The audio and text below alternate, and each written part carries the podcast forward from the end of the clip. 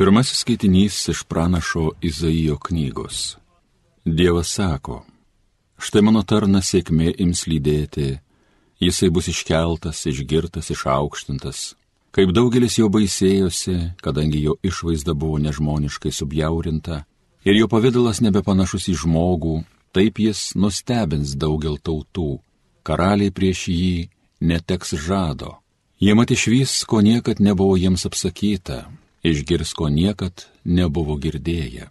Pranašas sako, kas patikėjo mūsų skelbimu ir kam apsireiškė viešpaties rankos galybė, prieš jį jis išauks kaip ūglis, kaip atžala iš išdžiūvusios žemės. Nebuvo jame išvaizdumo ir grožio, kad mes būtume į jį žvelgę. Nebuvo į ką pažiūrėti, todėl mes jo nepamėgome. Jis buvo paniekintas, žmonių atstumtas, skausmų vyras, pažįstantis kančią kaip toks, prieš kurį užsidengiamas veidas, jis buvo paniekintas. Taigi mes jo nebranginome. Tačiau jis mūsų negalės nešė ir mūsų skausmus ant savęs užsikrovė, o mes galvojame, kad jis paženklintas, Dievo prispaustas ir jo palauštas. Jis buvo perdurtas dėl mūsų piktadarybių, jis buvo sumuštas dėl mūsų nusižengimų. Bausmė ant jo krito mūsų išganimui ir jo žaizdomis mes išgydyti. Visi mes lyg avys buvome paklydę, kiekvienas savo keliu ėjo, bet viešpats jam leido savo prisimti mūsų visų kaltę.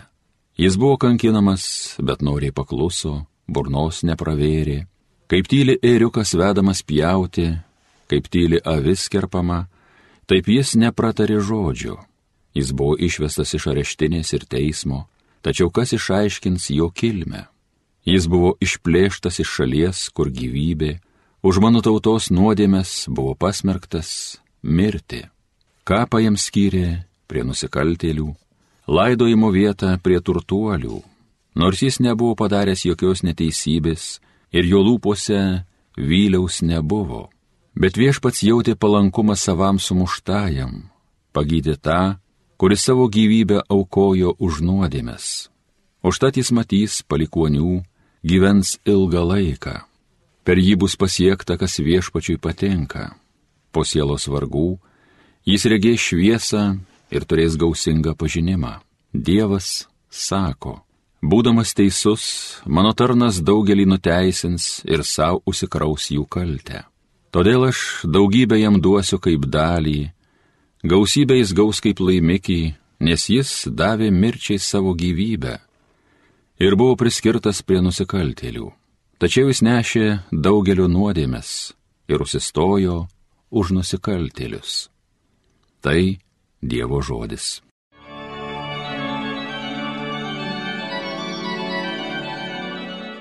Tėve, į tavo rankas atiduodu savo dvasę. Tavim pasitikiu Dievę ir amžiais nebūsiu apviltas. Mane dėl savo ištikimybės vaduokė į tavo rankas pavedu savo gyvybę, mane išvaduosi Dieve ištikimasis. Tėve, į tavo rankas atiduodu savo dvasę. Priešai visai mane plūsta, kaimynai juokės, draugai manimi baisis, gatviai pamatę nuo manęs bėga, užmirštas aš širdyse, sakytumei miręs, nelyginant indas sudužęs. Tėve, į tavo rankas atiduodu savo dvasę. Bet aš tavimi viešpatie kliaujos, sakau, tu man Dievas, tik tavo rankose mano likimas, išgelbėk mane nuo priešo kėslų, nuo mano engėjų. Tėve, į tavo rankas atiduodu savo dvasę. Man savo tarnui, malonų į veidą parodyk, gelbėk mane, esi gailestingas. Drąses tvirtą širdis turėkit, kas viešpačiu tikit.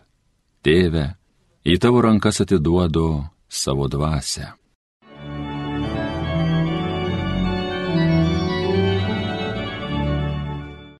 Antrasis skaitinys iš laiško žydams. Mes turime didį vyriausiai kunigą praėjusi pro dangaus Dievo sūnų Jėzų. Taigi, tvirtai laikykimės tikėjimo. Mesgi turime netokį vyriausiai kunigą, kuris negalėtų atjausti mūsų silpnybių bet kaip ir mes visai bandyta, tačiau nenusidėjusi. Todėl su pilnu pasitikėjimu artinkėmės prie malonės sosto kad pasiektume gailestingumą ir rastume malonę patirti pagalbą deramų laiku. Kristus savo kūno dienomis siuntė savo prašymus bei maldavimus, su balsiu šauksmu bei ašaromis į tą, kuris jį galėjo išgelbėti nuo mirties ir buvo išklausytas dėl savo pagarbumo. Būdamas sūnus, jis savo kentėjimuose išmoko klusnumo ir pasiekęs tobulumą, visiems, kurie jo klauso, tapo amžinojo išganimo priežastimi. Tai Dievo žodis. Šlovėtau Kristau amžinosios garbės karaliau. Kristus dėl mūsų tapo klusnus iki mirties, iki kryžiaus mirties. Todėl ir Dievas jį išaukštino ir padovanojo jam vardą kilniausią iš visų vardų. Šlovėtau Kristau amžinosios garbės karaliau mūsų viešpaties Jėzaus Kristaus kančia pagal Joną. Pilotas įsivedė Jėzų laukan ir atsisėdo į teisėjo kėdę vietoje pavadintoje akmeninis grindinys, hebrajiškai gabata. Buvo Velykų išvakarės apie šeštą valandą. Jis tarė žydams, štai jūsų karalius, tėmė šaukti, šalin, šalin, ant kryžiaus jį. Pilotas paklausė, nejaugi aš turiu nukryžiuoti jūsų karalio. Aukštieji kunigai atsakė, mes neturime karaliaus, tik tai ciesorių. Tuomet pilotas atidavė jį nukryžiuoti. Taigi jie pasiėmė Jėzų ir įsivedė. Neždama savo kryžių, jis ėjo į vadinamąją kaukulės vietą, hebrajiškai Golgotą. Tenai prikalė jį prie kryžiaus. Kartu su juo kitus du, vienoje ir antroje pusėje, o Jėzų viduryje. Pilotas padarė kalties įrašą ir liepė prisekti prie kryžiaus. Ten buvo parašyta Jėzus Nazarietis žydų karalius. Šį įrašą skaitė daugybė žydų, nes vieta, kur Jėzus buvo nukryžiuotas, buvo arti miesto, o parašyta buvo hebrajiškai, lotyniškai ir graikiškai.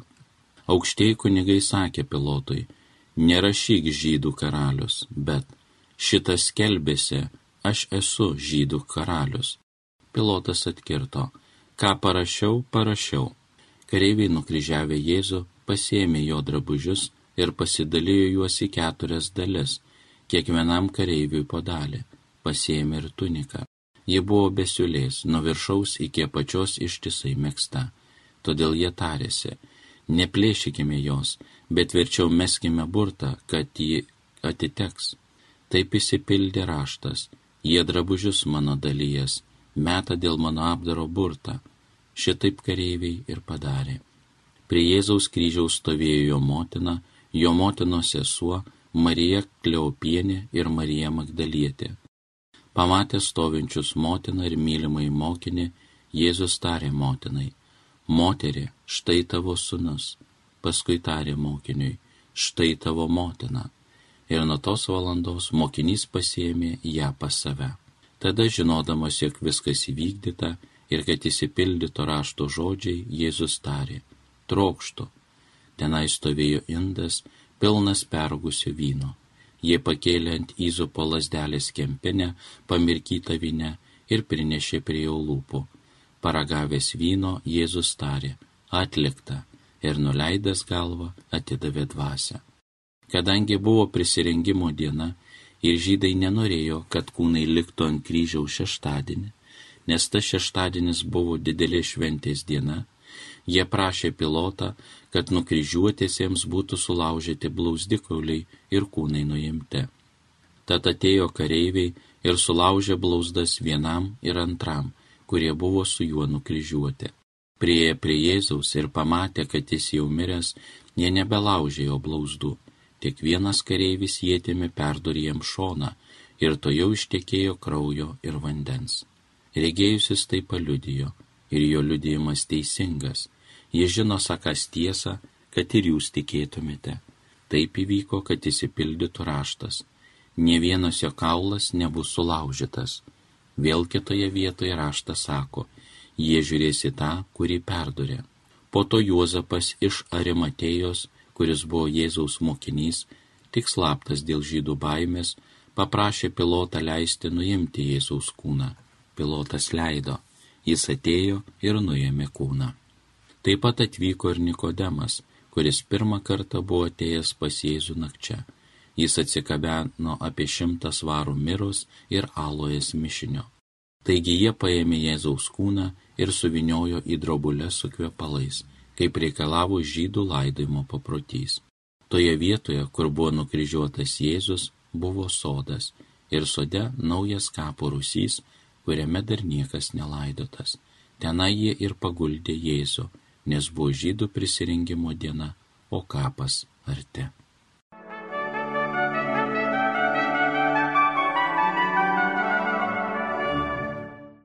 Mėly Marijos radio klausytojai, įžengėme į didžiojo penktadienio įvykius, slėpinį, tai yra Jėzaus kančią, mirtį, kad galėtume suvokti, ką jis reiškia didysis penktadienis, taip pat kryžius ir Jėzaus, Dievo sunaus ir gelbėtojo kančia. Pažvelkime į keletą aspektų Šiandien evangelistas Jonas rašo, Jėzus ir mokiniai įžengė į sodą. Čia kalbama apie sodą, kuris minimas pradžios knygoje antrasis skyrius nuo 8 iki 16 eilutės. Jono Evangelijoje kančios istorijoje veiksmas sugaišta į sodą, nes sode prasidėjo nuopolis ir sode prasideda išgelbėjimas bei išganimas. Ten, kur žmogus nusidėjo, ten antrasis Adomas, Kristus, vykdo savo atpirkimo ir klusnumo darbą. Sodas yra ne tik suėmimo, bet nukryžiavimo ir prisikėlimo vieta. Pirmą savaitės dieną prisikėlimas dar labiau sujungia su pradžios knyga. Šiame Evangelijos aprašytame sode prasideda atnaujintas prisikėlusio su viešpačiu žmogaus gyvenimas tai pirmojo ir antrojo Adomo sodai. Pirmame sode mirtis kilo iš gyvenimo, pradžioje buvo gyvenimas, o iš jo neklusnumo kilo mirtis. O antrame sode gyvenimas ir prisikėlimas kyla iš mirties. Sodas tai vieta, kur pasaulis išdavė Dievą. Bet čia sodas taps naujos kūrinijos vieta. Apie tai aprašoma apreiškime Jonui 21 ir 22 skyriuose. Petras iš tiesų šitame sode pakartoja žmogaus neklusnumą. Juk rojaus sode taisyklės nustatė Dievas, o čia irgi taisyklės nustato Dievas, Jėzus. Ir jis nustato, kas čia ką turi daryti, o Petras neklauso Jėzaus. Nors su Jėzumi Petras praleido tris metus, bet dar kartą padaro neklusnumo nuodėmę. Todėl reikia žvelgti giliau. Priešiškumas Jėzui tai ne tik tie akivaizdžiai priešiškai nusiteikę žmonės, kurie atėjo jo suimti, bet ir tie, kurie sakosi yra kartu su juo. Ir jeigu tas lūžis neištiks mūsų tikėjimo gyvenime, tai gali būti, kad mes irgi būsime tokie pat kaip dabar Petras. Kai Jėzus sode pasako, aš esu, nors šiandien girdėjome kitaip išversta, tai aš.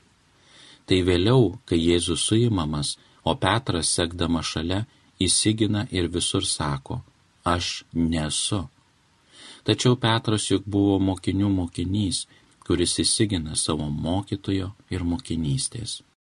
Turime nepervertinti savo jėgų, kad nenutiktų, kaip apaštalui Petrui, ir vengti kompanijos, kuri provokuotų mus įsižadėti Kristaus, atsisakyti maldos, sekmadienių mišių ir kitų dalykų, kurie rodytų, kad mes esame Jėzaus mokiniai. Ta dažnai prisipažįsta jauni žmonės, kad jie bažnyčioje vienokie, o mokykloje ar savo pasaulietinėje aplinkoje kitokie. Ir jie nori visiems įtikti bei patikti, nes tas pasaulis dar nėra brandus nėra užaugusi drąsa atstovėti arba pasiryšti nebūti tose kompanijose, kur Jėzaus vardas yra žeminamas, niekinamas arba verčiama jo net įsižadėti. Mokinystėj labai svarbu pažeminimas, ir klaidos patirimas, kad nebūtų didžiuojamasi savimi ir per daug pasitikima savo jėgomis. Mokinys seka todėl, kad patyrė Dievo meilę ir gailestingumą. Petro pažadinimas mokinystiai įvyksta su žodžiais ir to jau pragydo gaidys. Ir tuomet Petras galiausiai suprato, kad jis visą tą laiką nuo vakarienbučio priešinosi Jėzui. Jis iš tiesų jau tada buvo išdavęs savo mokytoją. Kol mes neišgyvensime savo tikėjimo kelioniai šitokio suklupimo bei mokinystės išbandymo, tai mums atrodys, kad mes Dievą sekame su lakuotais batais. Tai yra atradom, kad tai kažkaip vertinga, naudinga, patogu ir panašiai. Be tol, kol mes nebūsime kažkur pabraidžioje su lakuotais batais po purvą ir supratę, jog vis tiek kažkaip, kad su tuo, su kuriuo mes einame, įsaugoja mūsų orumą ir garbę, savo kainą, mes tikro to mokinystės sėkimo nei patirsim, nei galėsime paliudyti. Kodėl myliu Jėzų? Todėl, kad jis myli mane, tada, kada aš mažiausiai tos meilės buvau vertas. Amen.